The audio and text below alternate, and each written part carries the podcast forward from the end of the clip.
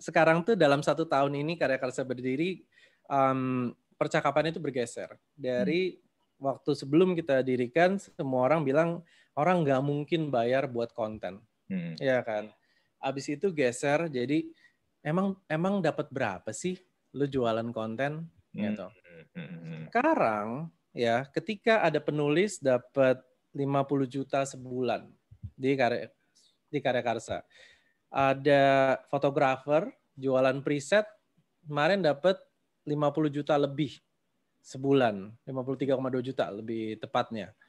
Jualan Adobe Lightroom preset gitu. Dan ada ada juga fotografer yang jualan foto pack gitu. Ketika komikus dapat 30 juta sebulan gitu. Semua orang bertanyanya kayak gimana caranya bisa nyampe situ. Welcome to Talk to Talk podcast. Let's talk now. Oke, okay. hari ini gue kedatangan seorang kalau lu bermain atau lu aktif di industri startup di Indonesia, lu pasti nggak akan asing lagi dengan guest gue yang satu ini, Arya Rajasa, CTO dari karyakarsa.com. Apa kabar, bro? Hai, hai, baik-baik. gue sebenarnya udah follow lu di Twitter udah lumayan lama sih Nah, tapi ya benar-benar kemarin kita baru bisa komunikasi, kita ngobrol tuh pas kemarin Natali bikin acara startup lokal dan ngundang lu sebagai guestnya ya. Hmm. eh bro, uh, lu kan aktif di startup nih, lu udah lama lah, lu salah satu orang yang udah lama ya, lah ya. lah. Uh, kalau hmm. untuk podcast gue, lu adalah CTO kedua setelah Natali yang jadi guest di podcast ah. gue. hmm. Lu sebenarnya pernah kerja sama orang dulu nggak sih sebelum lu bikin startup startup kayak sekarang ini nih? Pernah, uh, pernah pernah. Dan uh, apa? Coincidentally, gue kerja pertama sama Natali gitu. Jadi waktu uh, kan dia senior gue hmm. uh, di angkatan 99, gue 2001 kan. Gitu. Oh, ya, sama-sama Jadi UI ya? Kita ngerjain sama-sama hmm. UI, yeah, Fasilkom gitu. Jadi gue ngerjain project bareng dia. Jadi waktu hmm. itu company dia Sure lah. Uh, dan itu pertama kalinya gue ngerjain proyek komersil dikasih dia proyeknya. Hmm, so hmm. that's just interesting. Um, terus habis lulus juga gue sempat kerja di World Bank. Hmm, hmm. Berapa bulan lah, nggak nggak sampai setahun. Habis itu gue coba di company uh, teman gue juga. Jadi di multinational uh, nyobain, habis itu di national company uh, nyobain, di startup nyobain gitu. Uh, jadi Jatis dulu gue juga sempat bikin game gitu karena gue suka main game kan. Jadi gue hmm. mikir bikin game seru banget gitu ternyata enggak ternyata susah banget bikin game. Jadi gue ya gue main aja deh gitu. Hmm. Terus habis itu gue bikin di di startup temen gue juga waktu itu ngurusin uh, apa ERP perpajakan. Uh, jadi gue nyobain seru juga gitu. Terus habis itu um, nyob ya dua tahun lah gue nyobain kerja sama orang terus akhirnya nggak nggak cocok nggak nggak menemukan kecocokan nggak nggak fulfilling uh, mungkin uh, paling gampangnya jadi akhirnya gue ya udah cobain lah bikin sendiri gitu why not hmm. right gitu. nggak cocoknya nih hmm. karena memang lu nggak bisa kerja sama orang atau lu nggak bisa kerja ya, lu ada bosnya gitu lu ah, kayaknya nggak sesuai dengan apa yang gue mau nih atau nggak oh. sesuai dengan pemikiran gue gitu kan ada yang tipe kayak gitu kan Ya, ya. Hmm, sebenarnya bukan karena nggak bisa kerja ada bosnya juga gitu kan. Sekarang gue CTO, gue report to a boss juga gitu. Hmm. Um, tapi lebih ke arah uh, eh, gue tuh paling nggak suka birokrasi kan. Jadi hmm, hmm, hmm. di semua yang gue ketemuin bahkan di waktu itu di di perusahaan kecil temen gue ya dulu kan belum belum tahu ya istilah startup belum ada lah. Iya, iya, Ini iya. tahun 2006 gitu, 2005 2006 uh, dari perusahaan gede perusahaan kecil selalu problemnya ya di birokrasi gitu. Dan uh, menurut gue tuh ngehambat banget. Uh, begitu banyak hal yang akhirnya nggak um, bisa gue lakuin sendiri gitu. Jadi akhirnya gue mikir there's gotta be a better way of doing this gitu. Dan karena waktu itu gue nggak nemu ya gue harus menciptakan sesuatu yang menurut gue uh, ideal gitu kan. Um, Nah, ya kan anak muda naif ya, bro, biasa lah gitu. Ya cobain aja gitu, siapa yeah. tahu kan gitu. Ternyata kan gagal ya, dia ya udah gitu. Tapi at least nyobain dulu gitu. Startup pertama lu tuh ganti baju, yang ganti baju itu ya? Untuk startup iya, tapi untuk company pertama enggak. Jadi pas pertama itu uh, gue bikin Raja Grafika, tapi sama co-foundernya yang diganti baju Rantis juga sama Bima juga waktu itu. Hmm. Um, waktu itu Raja Grafika kita bikin website karena semua orang saat itu bikin website kayak sekarang semua orang pokoknya bikin aplikasi lah gitu ya. Yeah. Jadi um, jadi kita klien banyak banget karena uh, orang ngerti nggak ngerti website mau bikin website gitu. Jadi um, lebih gampang lah uh, waktu itu nyari klien kita coba bikin. Kebetulan juga gue passionnya lebih banyak ke desain kan. Gue lebih senang ngerjain desain daripada ngoding. Mm-hmm. jadi gue pengen punya karir di bagian desain. Sementara uh, gelar gue dan uh, pekerjaan-pekerjaan sebelumnya ngoding semua gitu. Jadi nggak kalau mau pindah setir nggak bisa gitu. Jadi ya udah I invented a job for me gitu. Mm-hmm. Habis dari ganti baju itu, lu bikin TIS Iya, jadi um, dari Raja Grafika ke gantibaju.com ya kan.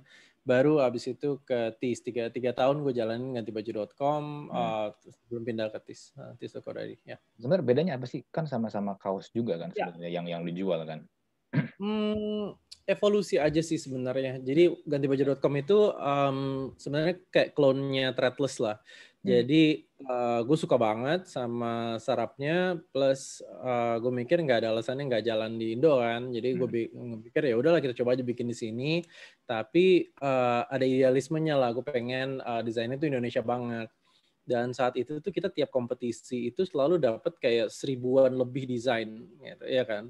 Hmm. Plus kan kita cuma bisa menangin mungkin kayak 10 sampai 20 lah uh, per per bulan untuk kita cetak. Kita nggak mungkin dong menangin semuanya kan. Iya, betul. Pasti yang harus ada appeal untuk dijualnya karena ada minimum uh, kuantitinya. Waktu itu kita mikir kalau desainnya nggak nyampe 1000 vote ya kita nggak mau produksi karena kita minimal harus jual setidaknya 100. Hmm. hmm.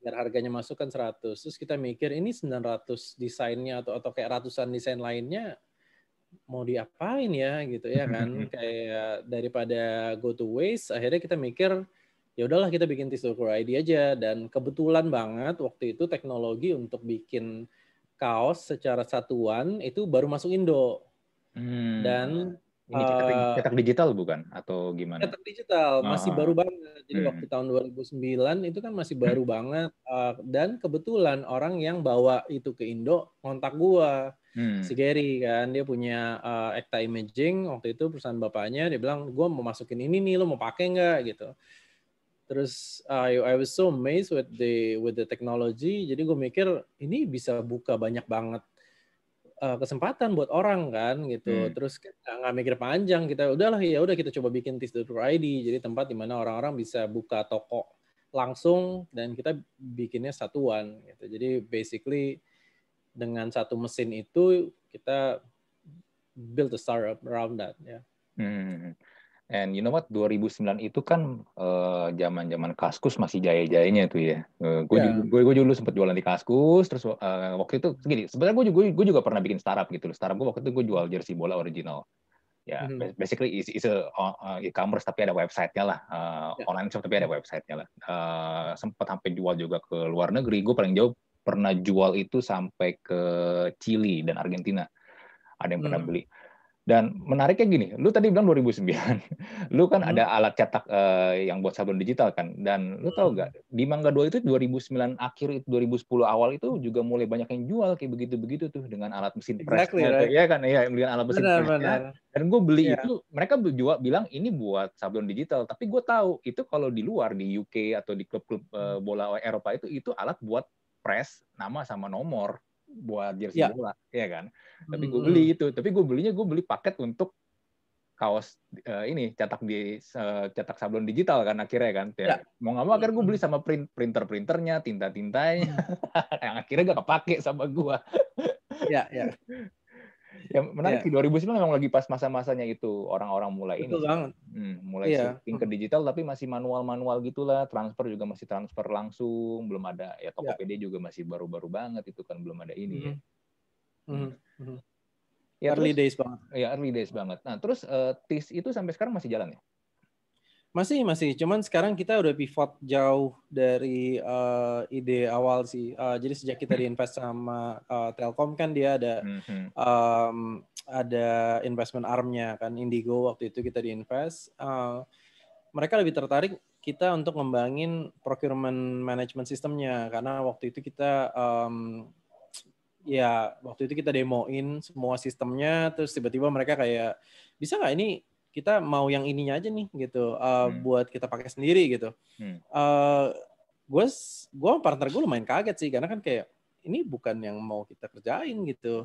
Tapi kan ada duit depan muka ya gitu. Jadi kita mikirnya ya udahlah kita hajar lah gitu. Kita bilang aja bisa bisa gitu. Uh, nanti kita pikirin gimana gitu. Jadi akhirnya kita uh, kita spin off jadi satu produk sendiri namanya Office B gitu. Uh, dan uh, kita juga diinvest sama sebelum itu kan kita diinvest sama 500 baru sama Telkom kan. Telkom tertariknya ke situ. Dan uh, itu 2000 2007 lah 2007 2008 kira-kira uh, idenya kebentuk akhirnya ya udahlah kita bikin aja deh gitu dan pas kita bikin ternyata um, banyak banget company lain yang punya masalah yang sama hmm. ja, dan habis itu mereka berani bayar lumayan mahal jadi kita mikir gila nih kalau kliennya cuman kayak 100 klien aja udah dapat way more daripada kita ngurusin um, B2C kan. Hmm. Di situ hmm. yang akhirnya gue mikir ya udahlah kita we follow the money lah gitu. Dan akhirnya hmm. iya, akhirnya ya kita fokus ngembangin Office B jadinya sekarang. Hmm. Ini pasti jumlahnya gede banget nih bedanya nih. Sampai lu bener-bener pindah. Jauh. jauh banget to be honest ya. Hmm. Kayak plus hmm. um, orang beli satu sama orang beli seribu itu hmm. komplainnya sama. Jadi sama. ya mendingan gua ngelayanin yang seribu lah gitu. Uh, gimana ya?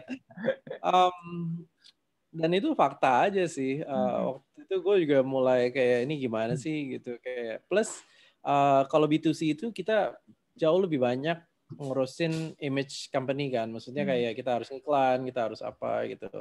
Kayak gue inget banget lah gue sempet ngiklan sampai kayak sekitar 2 miliar sebulan ya, biar penjualannya bisa naik terus gitu kan. Uh, ya kalau kayak gini terus kapan untungnya gitu kan ngiklan aja terus gitu kan hmm, hmm, hmm. dan ya semua startup yang lain juga kayak gitu kan ngiklan aja terus gitu kayak ini kapan untungnya gitu dan makanya akhirnya fundraise fundraise fundraise, fundraise terus gitu sementara yang bagian B2B profit gitu. tiap tiap tahun grow profit gitu plus kita sebenarnya cuma nambah kayak berapa puluh klien per bulan eh per tahun malah sebenarnya dan tetap grow kayak 100% year on year sih lebih gitu. Jadi ya uh, it's, it's quite crazy and it's plainly obvious based on the numbers where we need to go. Hmm. Nah, lu sendiri ngelihat perkembangan startup di Indonesia menurut lu gimana nih? Ya. Apalagi dari sekarang tahun 2020 tiba-tiba kehajar COVID. um, menurut gue bagus ya, karena uh, bukan COVID-nya ya, gitu. Maksudnya uh, secara perkembangannya tuh menurut gue bagus banget Ah. karena udah mulai maturing. Jadi kalau hmm. dibandingin sama let's say uh, 10 tahun yang lalu lah zaman astaga.com ya. kan uh, jadi kayak, astaga.com udah lama kali. Ya, maksudnya kita compare satu dekade lah gitu. Dulu tuh dulu tuh benar-benar yang kenapa akhirnya .com burst kan tahun yeah, 99 yeah. Uh, itu tuh karena ada satu company yang tiba-tiba jadi gede banget di invest meledak ya kan. And then everybody was like kayak wah gila kita harus masuk sini gitu. Gold rush ya kan. Mm-hmm. gold rush akhirnya banyak banget company-company yang nggak layak dapat investment dapat investment. Dan akhirnya semua apa mayoritas investor kecewa kan bubble burst boom gitu kan mm-hmm. dan kita recovery-nya lumayan lama tuh um, baru hangat lagi kan 2010 kan jadi sempat ada mm-hmm. kayak hmm, betul, kayak 10 tahun tuh benar-benar investor nggak mau ada sangkut pautnya sama tech lah gitu atau dikit banget um, jadi dibandingin itu sih jauh banget. Sekarang investornya juga jauh lebih pintar, banyak global player yang masuk um, dan uh, udah mulai apa ya? Udah mulai kebentuk lah bahwa oh yang sukses tuh tipenya yang begini-begini gitu. Hmm. Um, yang gue pengen banget ngeliat sih uh, startup Indonesia yang yang bisa lebih mendunia lah gitu. Jadi untuk sekarang banyak kan masih fokusnya itu ke Indonesia gitu. Bahkan karya karsa juga gua gua admit uh, kita juga fokusnya tetap ke Indo dulu gitu. Hmm. Dan Southeast Asia uh, second gitu. Hmm. Tapi to be a really global company datang dari Indonesia sih gua gua quite excited sih untuk untuk hmm. someone who's going to do that gitu. Sekarang ini kan boleh dibilang para pemainnya tuh udah mulai kelihatan lah kalau kita ngomong marketplace ya, ya kan udah ada Tokopedia, dari Shopee mm. ya kan atau kita ngomong mm. misalnya fintech itu juga udah mulai kelihatan lah pemain-pemain fintech nih yang yeah. kuat nih siapa gitu. Nah, mm. kalau misalnya nih kalau yang lu lihat kalau ada orang yang baru misalnya pengen baru masuk pengen bikin startup sekarang-sekarang ini menurut lu masih ada chance gak sih? Masih banget, masih banyak banget yang kesempatan yang belum ada di sini. Um, karena marketplace itu kan kayak yang pertama banget ada gitu. Kayak di US hmm. tuh Amazon. Amazon dari tahun berapa? 95 juga udah udah hmm. ada gitu, ya kan? Hmm. Uh, dan Tokopedia baru mulai menurut gua malah gitu. Hmm. Karena sekarang mereka baru reach mungkin sekitar 90 juta orang, maybe uh, itu belum setengahnya Indonesia. Iya sih, kalau secara angka iya. Jadi, maksud gue iya gini, kan? Maksud gue gini nih, iya. gue sorry gue potong. Kalau misalnya nih, let's say gini, gue mau bikin juga marketplace, ya mirip-mirip hmm. Tokopedia gitu. Do, di, yeah. do I have a chance gitu untuk compete sama mereka? Gue kalau gue baru no. sekarang. Definitely no. Kalau udah ada rajanya, hmm. kayak why bother, right? Hmm. Um, lain halnya kalau lu Shopee gitu, kayak duit banyak banget nggak terbatas, basically kan gitu kan sekarang. Iya. Ya kan, masuk silahkan, silahkan banget gitu. Kayak Grab gitu kan, datang dengan 3 billion dollar war chest, silahkan hmm. banget, bisa, bisa banget gitu. Hmm. Tapi kalau enggak, ngapain? Gitu. Ya jadi kalau misalnya, Main, ya. kalau misalnya gue masih gak baru, baru mau bikin, secara capital juga kalah, yang bermimpi ngeliat Steve Jobs bikin Apple berhasil dari garasi gitu, itu udah susah lah ya kalau misalnya udah lihat pemain-pemain bignya lah ya. Susah kalau kategorinya udah ada rajanya gitu. Hmm. Jadi dan tapi good newsnya adalah banyak banget kategori lain yang belum ada rajanya. Hmm. hmm. Go after that, ya. Yeah. Hmm, hmm. Hmm. I see, I see. Nah, terus bro, lu kan sekarang bikin karya karsa nih. Karya karsa, ya. boleh nggak lu cerita sedikit karya karsa sebenarnya apa sih? Ah, oke. Okay. Uh, jadi karya karsa itu sebenarnya creator appreciation platform. Jadi kita ingin semua kreator tuh dengan mudahnya bisa menjual karyanya langsung ke uh, fansnya mereka. Sesimpel hmm. itu aja sih. Dan karya sendiri itu kan sebenarnya luas banget. Hmm. Um, kayak musisi bisa jualan uh, lagu, komedian bisa jualan video, uh, terus penulis bisa jual uh, karya tulisannya dia gitu. Dan yang beda dibanding kita di dibanding yang lain itu adalah yang pertama kita karya kita agnostik. Jadi benar-benar ya everybody's welcome untuk bikin hmm. karyanya hmm. sendiri kan. Hmm. Terus yang kedua um, apa hmm, yang kedua tuh kita fokusnya itu ke apa ya supaya kreator tuh bisa bangun audiensnya mereka sendiri mereka pegang datanya mereka sendiri gitu hmm. soalnya kita ngelihat di sini kebanyakan kreator tuh jualan di sosial media ya kan yeah, yang betul. pertama monetizationnya susah gitu. hmm. karena memang tidak dibuild untuk dimonetize ya kan buildnya hmm. ya untuk rame-rame gitu hmm. yang kedua uh, kreator tuh nggak pegang datanya data mereka sendiri gitu. Mereka nggak pegang data yang follow siapa, ya kan?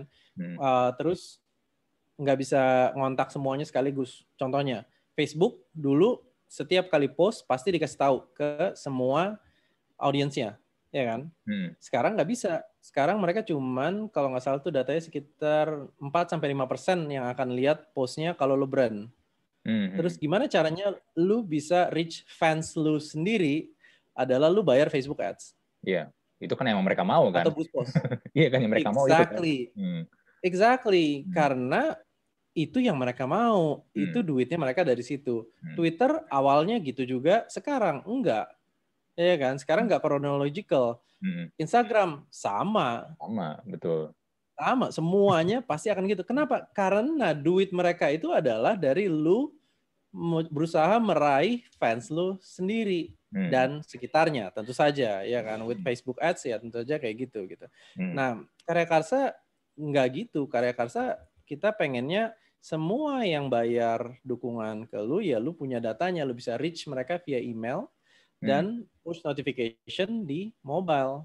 Hmm. Hmm. Beda banget dan kalau mau lo ekspor tuh keluar tuh nama, email sama semua data pembeliannya lu bisa ambil kayak contohnya kayak Spotify eh kayak Shopify hmm. atau kayak lu bikin e-commerce sendiri ya kan kan lu hmm. pegang tuh data hmm, data hmm. pembeli lo semuanya kan betul itu yang kita mau give back to the creators hmm.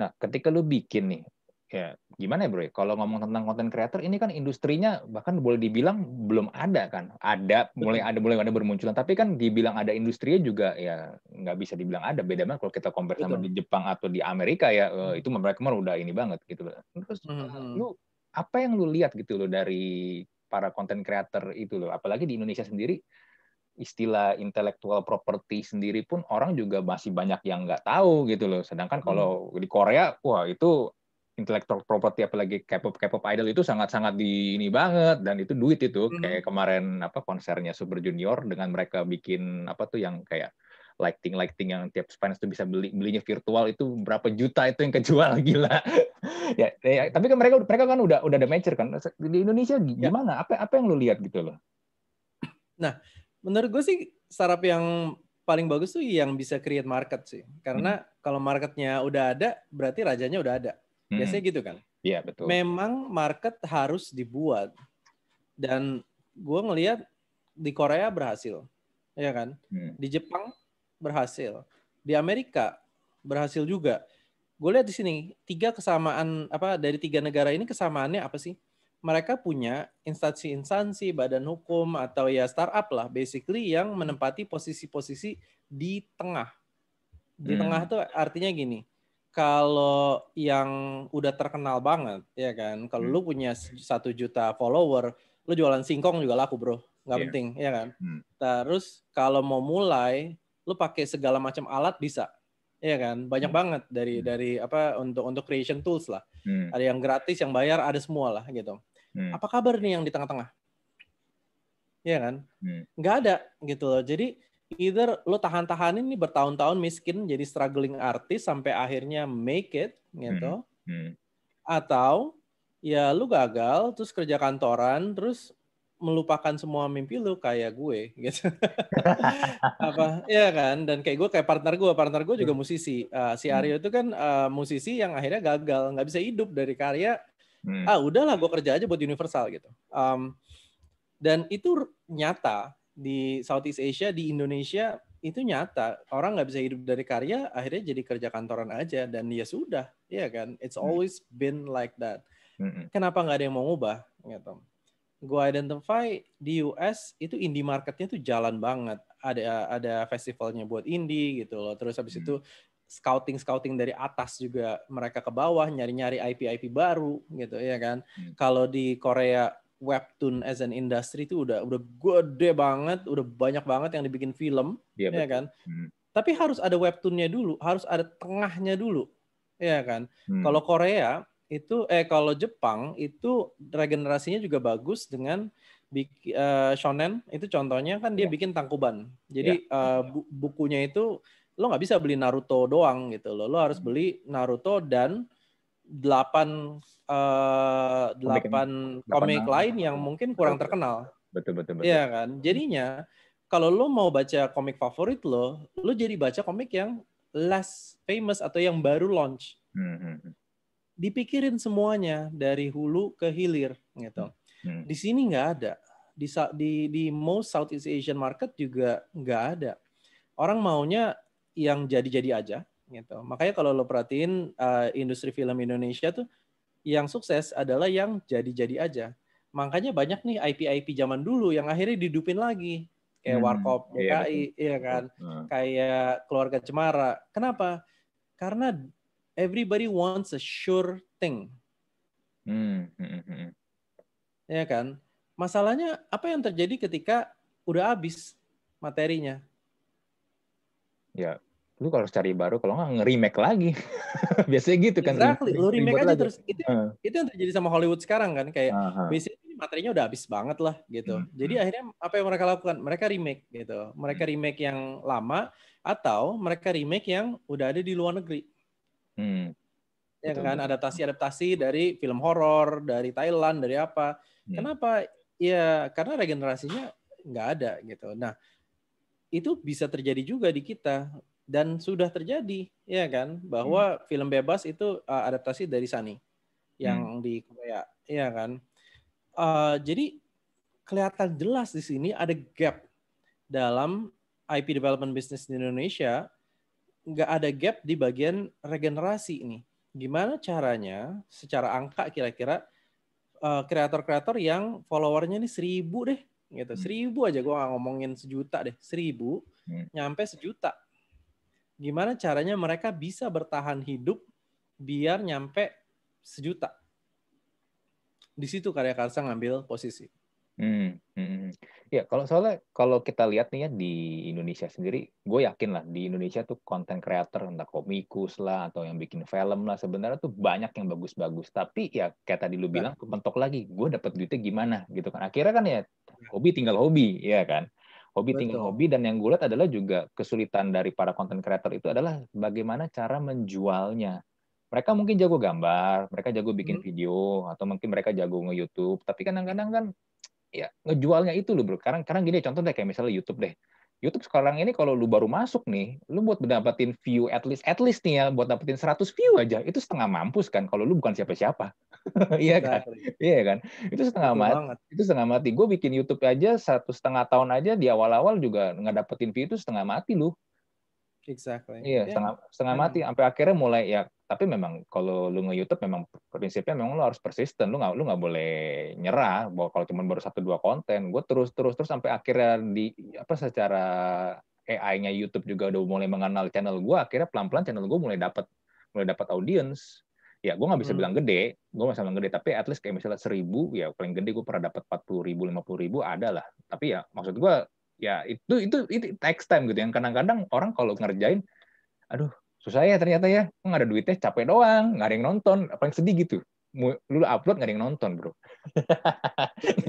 Nggak ada yang nonton.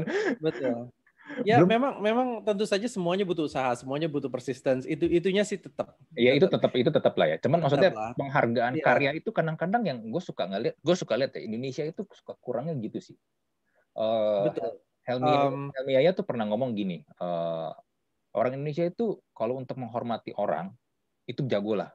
Tapi kalau untuk menghargai orang itu susah.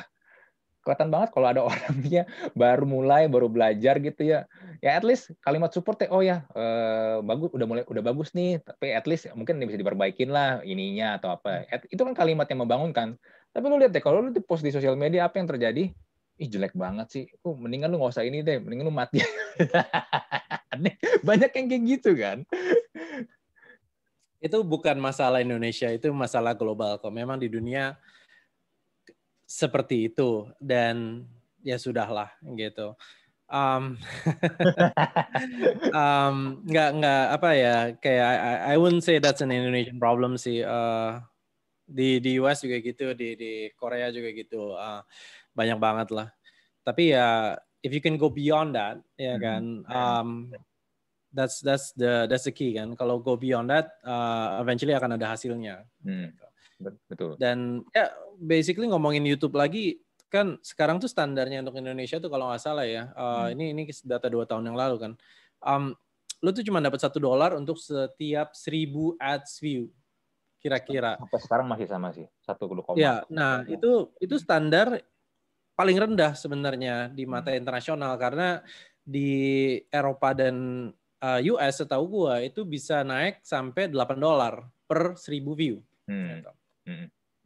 Dan ya udah memang kenyataannya seperti itu. Jadi kebayang nggak udah susah nih dapat 1000 view, terus dapatnya sedolar gitu ya kan. Um, sakit hati banget lah gitu. Makanya kalau di karya karsa kita uh, mantranya tuh simple. Kita pengen encourage orang untuk oke okay, gini deh kalau misalkan ada seribu orang aja ya, kita nggak ngomongin satu juta, lima juta, sepuluh juta orang, seribu orang aja hmm. mau dukung lo sepuluh ribu sebulan, hmm. ya kan? Itu sepuluh juta bro. More than enough. Nggak, nggak banyak, nggak, nggak bakal bikin lo kaya.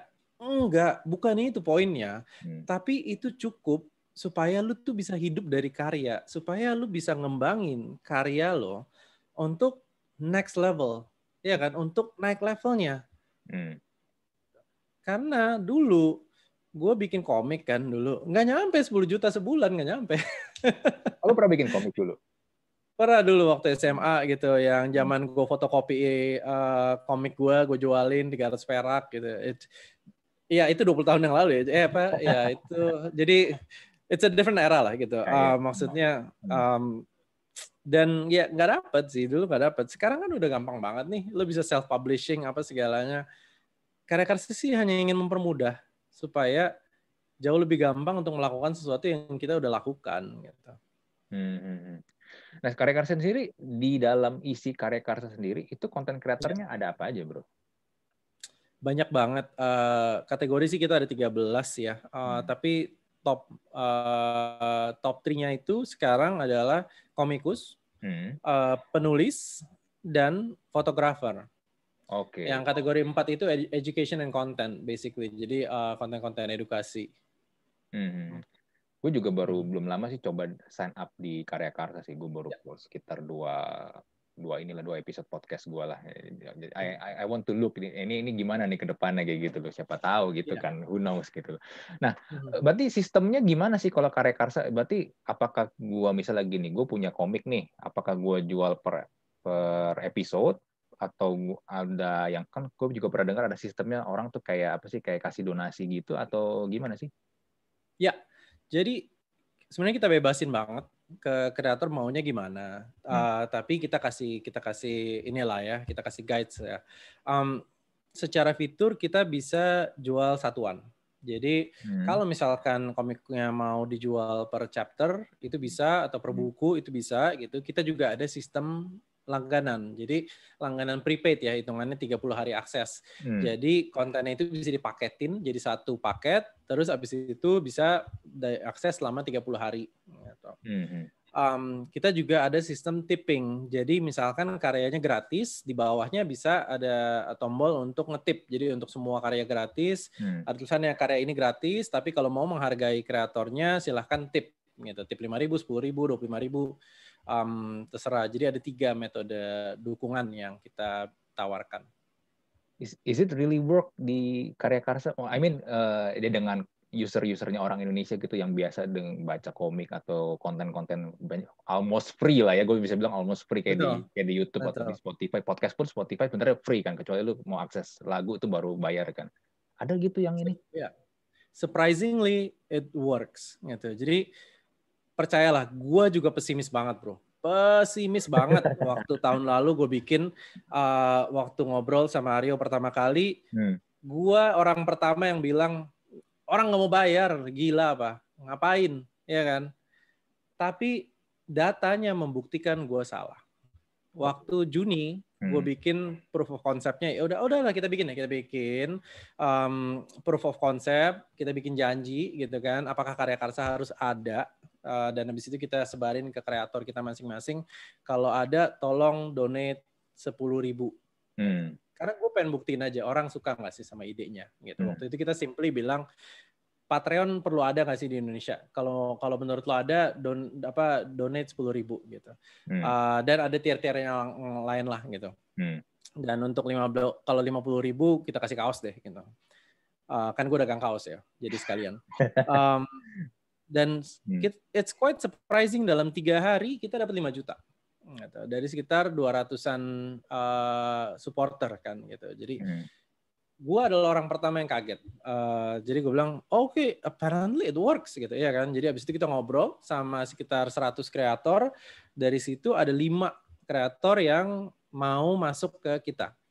Dan mereka masuk cuman gara-gara gue bilang gini kayak janji deh kita jualan janji nggak usah lo nggak usah bikin karya dulu deh gitu loh jadi uh, waktu itu uh, kayak kosmik kayak apa kayak ada beberapa ilustrator yang masuk kayak kalau donate apa kalau support sekian hmm. nanti kita akan bikin apa gitu. Hmm. Itu janji. Jadi mereka satu-satunya alasan kenapa mereka setuju dan mereka juga sama pesimis kita bilang hmm. hmm. janji deh, janji aja. Kalau misalkan nanti nggak nggak ada yang dukung, hmm. ya udah kan lo nggak usah ngapa-ngapain. Oke okay, fine. Dan dan akhirnya banyak juga yang dukung gitu. Jadi bulan pertama itu kita dapat 30 juta dan untuk lima kreator itu gitu. 30 juta Again, kita 30 sebulan. juta. Iya sebulan itu satu bulan itu hmm. nggak hmm. ada marketing sama sekali hmm. kita kaget lagi kan kayak kita mikirnya ya dapat lah 5 jutaan lagi 10 jutaan lagi dapat hmm. lah gitu hmm. ternyata dapat nah ang nah 30 juta sebenarnya kecil kan tapi angka yang uh, sangat mengagetkan itu adalah konversi jadi konversi visit ke support hmm. itu 13 persen jadi kebayang nggak satu dari 10 orang yang datang hmm. dukung itu tuh kayak itu mind blown. Itu yang bikin gue kayak gila ya this could work this could totally work gitu loh. Hmm. jadi akhirnya gue kembangin full fledged uh, apa gue full time coba ngerjain itu sambil ngembangin gitu. Dan uh, in less than a year kalau nggak salah bulan ke apa ya bulan kelima apa ke enam gitu uh, akumulatif kita dapat kayak satu miliar pertama. Boom satu miliar. Satu miliar pertama, boom gitu. Kayak akumulatif ya gitu. Hmm. And then we were like kayak Sorry bro, gue potong bentar. Tapi satu miliar untuk uh, uh, ya kayak tadi gue bilang, gue pesimis ini konten konten kreator kayak komik yang biasanya tuh orang nggak menghargai, apalagi kalau komik-komik kayak Indonesia yang bikin gitu. Satu miliar tuh it's, it's, it's a big man, it's a big number. Exactly. Dan di sini kita akhirnya nanya kan, karena gue hmm. bingung. Hmm. Kan lu bisa dapetin ini gratis. Hmm. Lu ngapain bayar sih? Akhirnya gue hmm. beneran nanya, kenapa hmm. gitu. Karena fansnya di sini ngerasa kayak ya karena gue suka aja dan kalau gue bisa support gue support gitu iya supportnya itu cuma kayak sepuluh ribu dua puluh ribu gitu ada yang lima puluh ribu hmm. gitu hmm. ada yang cinta banget ya udah dua ratus ribu lah gitu hmm. Um, tapi gue tanya lagi kan lu butuh reward apa sih gitu? Gue cuma mau kayak ya sebut aja deh nama gue di komen di di ini di apa gitu. Makanya kan kalau lo lihat hmm. uh, di beberapa komikus tuh di belakangnya tuh ada nama supporternya gitu ya kan? Iya iya iya dan ya, betul. namanya yang gede nah itu yang supportnya gede gitu. Hmm. kayak nah, komik kampret ya kalau nggak salah komik kampret, iya, exactly, iya, iya, iya kan. Itu sampai empat halaman isinya iya, nama-namanya. Iya, iya. Betul, betul, betul, betul, betul. Makanya gitu, mereka pengen acknowledgement hmm. sebagai fans gitu. Nah di sini gue mulai baca banyak buku yang ke arah sana kayak apa hmm. bukunya Free gitu, ya kan. Aduh gue lupa deh, banyak banget yang gue baca. Hmm. Uh, akhirnya tuh mereka uh, apa mereka tuh banyak yang nyimpulin bahwa sebenarnya tuh fans tuh butuh acknowledgement aja bahwa hmm. ya apa yang mereka lakukan itu um, memiliki andil dalam proses kreasi dan well-being dari kreator tersebut gitu. Ini sesuatu yang sangat baru. Hmm. Dan mungkin 20 tahun yang lalu nggak nggak nggak ada atau at least belum belum belum diformulasikan. Hmm. Gitu. Ya kan? Ini muncul ini konsepnya mirip sama percaya atau enggak JKT48. ya kan? Iya iya. Kayak iya yang dijual itu bukan lagunya. Hmm. Yang dijual itu adalah experience-nya. Ketika lu ketemu salaman ya kan? Ya kan? Hmm. Orang mau beli 6 lagu 6 albumnya karena satu album 10 detik salaman, mereka hmm. beli 6 karena mereka mau hmm. 60 detik gitu. Iya, iya. Yang dibeli adalah experience-nya gitu. Hmm. Di sini gue nyoba nyebutnya ini ini sebagai sebuah virtual intimacy. Hmm. Bahwa sekarang orang mau bayar buat being intimate virtually. Hmm. Dan nggak ada hubungannya sama logika. Bukan gue bayar beras satu kilo harga sepuluh ribu, ya gue nggak tahu sih beras satu beras sepuluh ribu berapa. Tapi basically nggak nggak bisa dikuantify kayak gitu gitu loh. Hmm. Bukan you get what you give gitu loh. Tapi hmm. being a part of a bigger community than you hmm is something that people are willing to pay.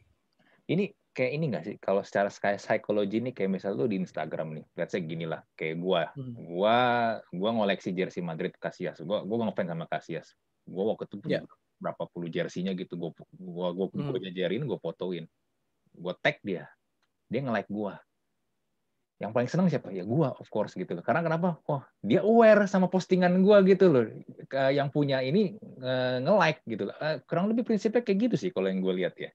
Jadi mirip banget mirip banget. Uh, fan fandom ini kan memang uh, quite quite unik ya gitu. Hmm, hmm. sama kayak lu beli jersey bola. Kenapa sih lu beli jersey bola kan? Bukan karena kualitas bajunya tapi apa yang bajunya represent. Iya betul. Emotional exactly. emotional bondingnya itu yang sebenarnya yang kita beli nah, kan? Hmm itu.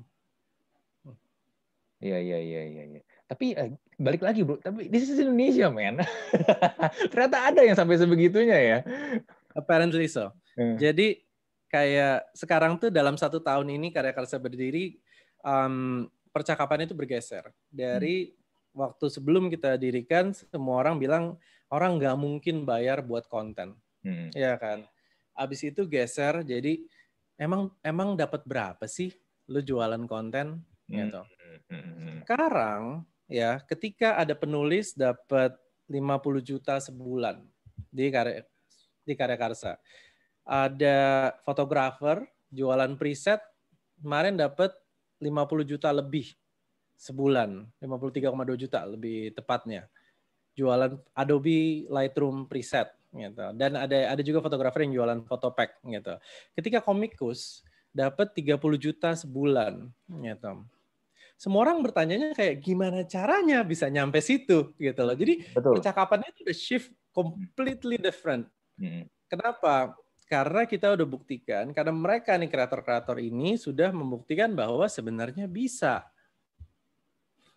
Tinggal gimana caranya. Hmm. So peran karya karsa dan untuk para konten kreator ini ya gue yakin pasti lu ada bantu-bantu mereka dong. Nggak mungkin lu nggak bantu kan, karena lu juga butuh mereka kan. ya, ya. Um, mereka bisa dapat angka angka segede itu kan. Of course, of course. Jadi uh, memang ini baru banget di Indonesia dan ya tetap di Southeast Asia juga ini lumayan baru. Jadi Karya Kasa sendiri punya komunitas kreatornya, ada Discord-nya juga, dan kita hmm. juga tiap uh, minggu tuh selalu ngobrol minimal dua jam hmm. sama kreator. Um, basically kita sharing data sih. Jadi mereka sharing tentang cara kerjanya mereka, kita sharing kayak yang laku begini loh, yang hmm. yang behaviornya kayak gini apa segalanya. Itu mungkin sesuatu yang um, mereka belum dapat sebelumnya ya kan, kayak behavior usernya tuh kayak gimana sih orang datangnya tuh dari mana sih hmm. yang populer tuh kayak gimana yang laku tuh yang kayak apa gitu kan hmm. plus sekarang kan kita juga ada beberapa ratus ribu uh, user di email ya kan hmm. registered kan jadi kita juga bantu push gitu tapi itu minority lah gitu majority sih masih mereka dan fansnya mereka kok gitu makanya uh, dari karya-karya sendiri selalu encourage enggak it's, it's all about you and your fans gitu dan sebagaimana lu deket sama sama fans lu hmm. gitu sama atau sama crowd lu lah hmm. hmm. basically um, yang yang kami lakukan is basically apa ya uh, show them bahwa this this this can work gitu loh so I think ses, ya untuk menyederhanakan sih kira-kira kayak gitu tapi ya obviously pekerjaan di balik itu banyak banget lah gitu hmm. there's a lot of things yang kita kita coba bantu untuk mereka gitu Hmm, hmm, hmm. Basically. Nah, terus tadi kan lu bilang gini, semua orang tuh bisa untuk jadi creator di karya karsa. Ya. ya kan, semua. Tapi bro, mm -hmm. uh, lu sendiri sebagai yang bikin karya karsa sendiri, lu ini nggak concern nggak dengan quality karena kalau lu bilang lu open for everyone bisa jadi kan konten-konten yang sebenarnya mm -hmm. ya let's say lah kalau kayak di contoh lah ya kayak di YouTube lah lu ya kita akan melihat ada konten-konten yang sebenarnya dalam tanda kutip ya konten negatif konten sampah kayak misalnya siapa dulu tuh si Ferdian Paleka yang bikin prank prank dikasihnya sampah gitu kan ya kan ya ada kemungkinan kayak hmm. begitu kan karena lu juga open for youtuber gitu loh Nah, lu lu sendiri gimana? Apakah lu emang nanti tetap akan menjaga kualitas supaya nanti konten-konten yang ini memang konten-konten yang memang bagus, lu pengen kualitasnya bagus atau ya ya udah lu atau nggak lu lu biarin aja gitu loh. That, that's a very good question. Hmm. Um, hmm. Tapi problem pertama adalah who are we to decide konten bagus dan konten jelek itu apa? Iya betul. Karena itu subjektif ya banget kan. Nah, betul. Kalau orang ya kan kalau orang mau bayar untuk sebuah konten yang satu pihak bilang sampah hmm. gitu, hmm. ya kan? Again, who who are we to judge, right? Hmm. Hmm. Uh, menurut gue bagus dan jelek tuh sangat subjektif, gitu. Hmm. Um, tugas kami sebagai fasilitator adalah mencoba untuk membantu mereka menjual karya mereka, hmm. ya kan? Jadi parameter yang diambil adalah keterjualan. Oke. Okay. Nggak ada bagus apa enggak gitu, iya kan. Kalau memang marketnya suka ke sisi A ya kita ke A gitu. Market yang B hmm. suka ke sisi B. Tapi yang yang kami coba fasilitasi adalah kalau marketnya yang suka cuman seribu, hmm. kreatornya bisa tetap hidup. Hmm. Jadi akan tercipta pool-pool kreatif sendiri hmm. yang ya kalau lu sukanya yang ini ya lu lu ke sini aja nih kalau lu sukanya yang ini ya lu ke sini aja nih gitu hmm. kayak contoh paling gampangnya kayak X Files ya kan hmm. X Files menurut mainstream market jelek kenapa karena nggak nyampe 5 juta orang nonton uh, di public television jadinya nggak diterusin. Menurut fanatiknya bagus banget. Ya kan? Hmm. Tapi mereka akhirnya nggak bisa nerusin X-Files karena nggak cukup marketnya. Ini loh yang gue sayangin gitu. Hmm. Jadi kan kalau misalkan eh, karya niche kayak X-Files bisa hidup dan ya udah hidup hidup di di crowdnya dia sendiri aja dan dan keep producing gitu. That that would be amazing. Hmm. Jadi arahnya tuh ke situ gitu. Hmm. Bukan bagus jelek in the mainstream market, hmm. tapi create bubble-bubble yang di mana karya yang cocok hidup sama fans yang menyukainya. Hmm. Berarti gini bro, uh, berarti bisa aja ada kemungkinan uh, contoh gampang lagi back again to YouTube dah. YouTube kan 10 tahun yang lalu sama yang sekarang kan boleh dibilang konten-kontennya basically is totally different kan kalau lu kita lu yeah. ngikutin YouTube dari 10 tahun hmm. lalu kan. Berarti bisa aja ada shifting-shifting yang konten-konten kayak 10 tahun yang lalu sama yang sekarang itu bisa aja terjadi dong di karya Karsa dong. Bisa dan pasti. Karena nggak ada yang tahu 10 tahun lagi konten yang orang mau bayar tuh bakal kayak apa. Hmm. Nobody knows, hmm. right? Gitu. Tapi um, satu hal yang menurut gue tuh pasti beda banget adalah gini. Selama ini media-media yang ada itu selalu mencoba untuk meraih view terbanyak. Mm-hmm. View, ya kan? View itu artinya adalah tontonan gratis, ya kan? Sementara di karya karsa kita fokus ke yang bayar. Mm ya kan?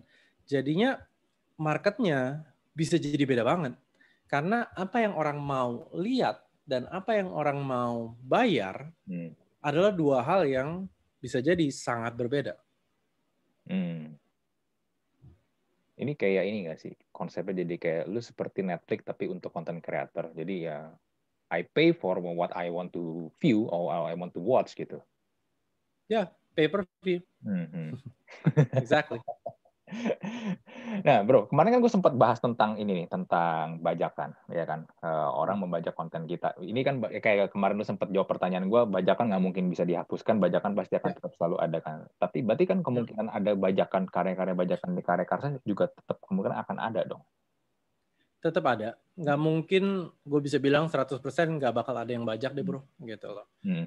Tapi, apa, tapi ya jangan sampai itu mencegah orang untuk berkarya gitu. Iya. Nah, kalau misalnya ada di karya karsa lu gimana? Lu akan ngeband langsung itu konten kreatornya atau lu akan kasih remind dulu? Kalau di YouTube kan lu kan akan dapat notifikasi nih, eh ada yang re-upload video lu nih. Ada yang ya. upload full, ada atau ada upload yang misalnya parsial, dia ambil berapa menit berapa menit doang gitu. Kalau konten kreatornya yang membajak pasti langsung di ban pasti hmm, hmm. Uh, karena itu kan gampang kan tinggal uh, konten apa kreator aslinya aja yang uh, report hmm. ini kenapa ada gitu ya kita hmm. kita ban aja gampang itu pernah kejadian dan so far sih udah nggak nggak ada lagi gitu hmm. yang problem itu kan kalau pembelinya ngebajak terus dijual ke platform lain nah itu dia gitu. itu kan itu kan suka Jadi, suka cross platform bro soalnya kayak gini deh di di YouTube betul. udah diupload diupload lagi di Facebook atau diupload lagi Betul. di TikTok ya kan ya susah kontrol kayak gitu kan Betul, memang memang susah kontrolnya. Makanya harapannya dengan adanya paywall, hmm. jadi orang-orang bisa lebih tersaring hmm. crowdnya, hmm. gitu. Dan uh, harapannya kalau dia bayar, ya dia cukup untuk konsumsi pribadi aja, gitu. Hmm. Again, harapannya. Oke bro, uh, berarti next untuk karya karsa sendiri nih, ya sekarang tahun ini COVID, tahun depan apa nih hmm. kira-kira nih planning ke depannya nih mau ngapain nih? COVID bukan planning kita juga sih. Uh, ya memang, sekarang um, kita, kita kena COVID. Kan kemarin lu juga sempat share, lu sempat ada grow-nya yeah. waktu itu naik banget karena lu juga sempat yeah. ada kontak-kontakan sama Raditya Dika, tapi tiba-tiba uh -huh. ya COVID happens. Ya, yeah, um, I mean sekarang sih we keep doing what we're doing karena it's it's working gitu. Uh, we're apa kita juga growing uh, quite fast. Jadinya um, yang kita lagi mau coba untuk terus adalah kita pindah vertikal. Jadi hmm. Kita udah berhasil uh, di di komikus kita udah buktikan bisa ya kan kita udah ada strateginya gitu itu kita bagi juga di akademi uh, karya karsa di hmm. help.karyakarsa.com itu kan tinggal baca gitu. Um, terus habis itu juga uh, penulis kita coba uh, fokusin terus habis itu oke okay, ternyata udah kebentuk juga marketnya. Uh, terus uh, sekarang bulan-bulan lalu kita fokus di fotografer gitu, ya kan.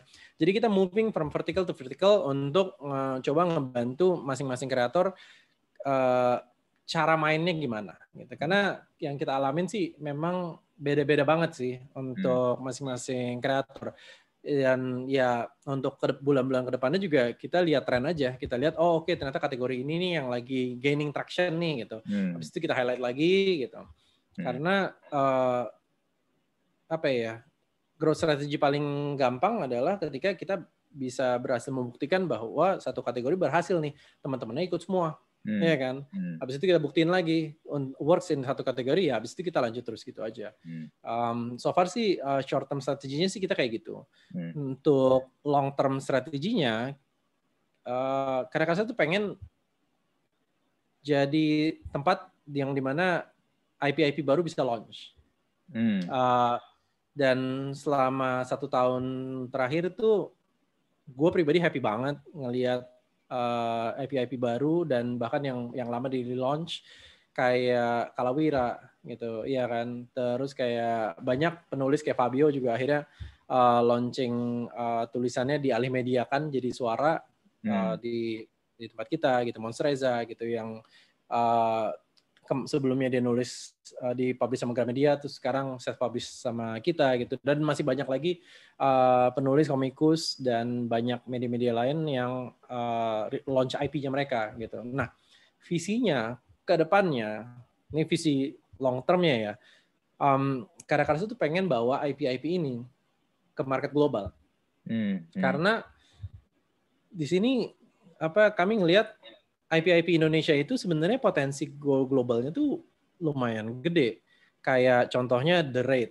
Kayak yeah. di dunia siapa sih yang nggak kenal The Raid yang akhirnya banyak uh, apa film-film Hollywood yang basing their uh, premise on The Raid gitu. Judge Dredd itu kan it's basically The Raid, the raid yeah. bro. Mm-hmm. Uh, di riskin aja pakai IP-nya Judge Dredd gitu ya kan.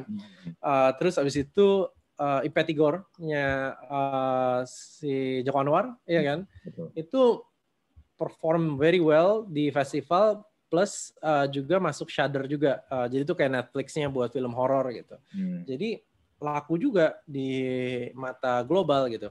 Ini strategi yang sama sama yang dilakukan uh, Cina, Jepang, Korea. Ketika IP-nya udah terkenal banget di negaranya sendiri, mereka push keluar. Hmm, hmm, hmm yeah. karya karsa mau menjadi uh, mau mau mencoba untuk melakukan itu untuk IP-IP lokal di Indonesia. Oke, okay. uh, how about podcast bro di karya karsa? Ah, oke. Okay. Podcast tuh sebenarnya menarik banget. Jadi pas awal kita coba untuk fokus bantuin ke sana, tapi masih lumayan susah sih. Um, I, I don't know why ya karena kita coba kita udah coba ya. Hmm. mungkin belum gitu. Mungkin mungkin masih butuh waktu um, juga. Plus uh, kalau misalkan komik atau YouTube video gitu ya kan uh, gampang gampang banget buat ngarahin usernya ke platform lain untuk bayar gitu. Jadi kayak kalau Instagram influencer ya taruh aja di bio-nya kan hmm. di di link di bio gitu itu udah biasa banget hmm. terus kalau video ya taruh di komennya aja ada link gitu itu bisa di YouTube uh, terus kalau komik ya taruh aja di gambarnya kan karyakarsa.com slash kamfret gitu misalkan that hmm. works gitu hmm. nah kalau di uh, podcast um, susah banget karena orang lagi dengerin kebanyakan biasanya dia nggak pegang uh, device-nya kan gitu. Jadi yeah.